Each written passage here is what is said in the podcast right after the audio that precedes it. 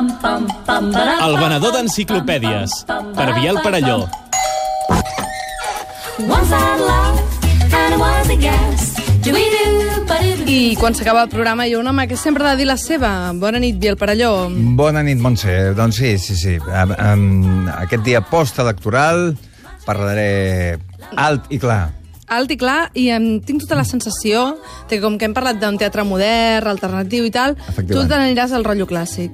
Doncs sí, sí, sí, perquè el teatre modern... Eh... No t'interessa? Sí, sí que m'interessa, Ah, sí? m'interessa moltíssim. Sí, sí, però, però encara està per fer. El teatre clàssic, eh, la perspectiva ajuda. Jo, jo modestament, eh, vaig escriure un llibre, eh, bé, un llibre, vaig editar un llibre amb les comèdies d'Aristòfanes. Eh, No t'hi po no t'hi poses per poc, amic. No, no, el vaig traduir directament de l'alemany. Mm Mhm. -hmm. Directe.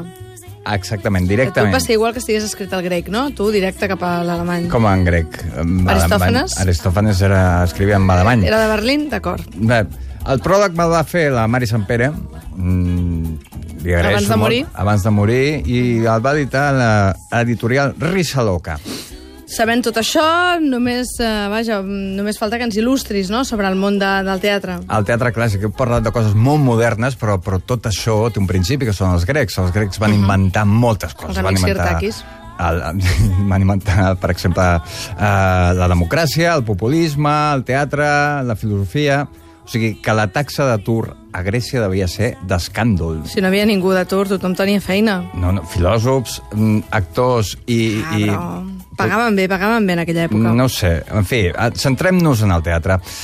El teatre grec ha donat grans noms. Aristòfanes, Eurípides, Demirrussos... Aquest no me'l colis per aquí. Bé, eh, potser és una mica més modern, però l'Aristòfanes va inventar la comèdia. O sigui, la comèdia, tot el que hi ha de comèdia ara... Tot, Està inventat. Tot li devem... Per senyor Aristòfans. Aristòfans. Aristòfans. Aristòfans, que sembla com una malaltia, no?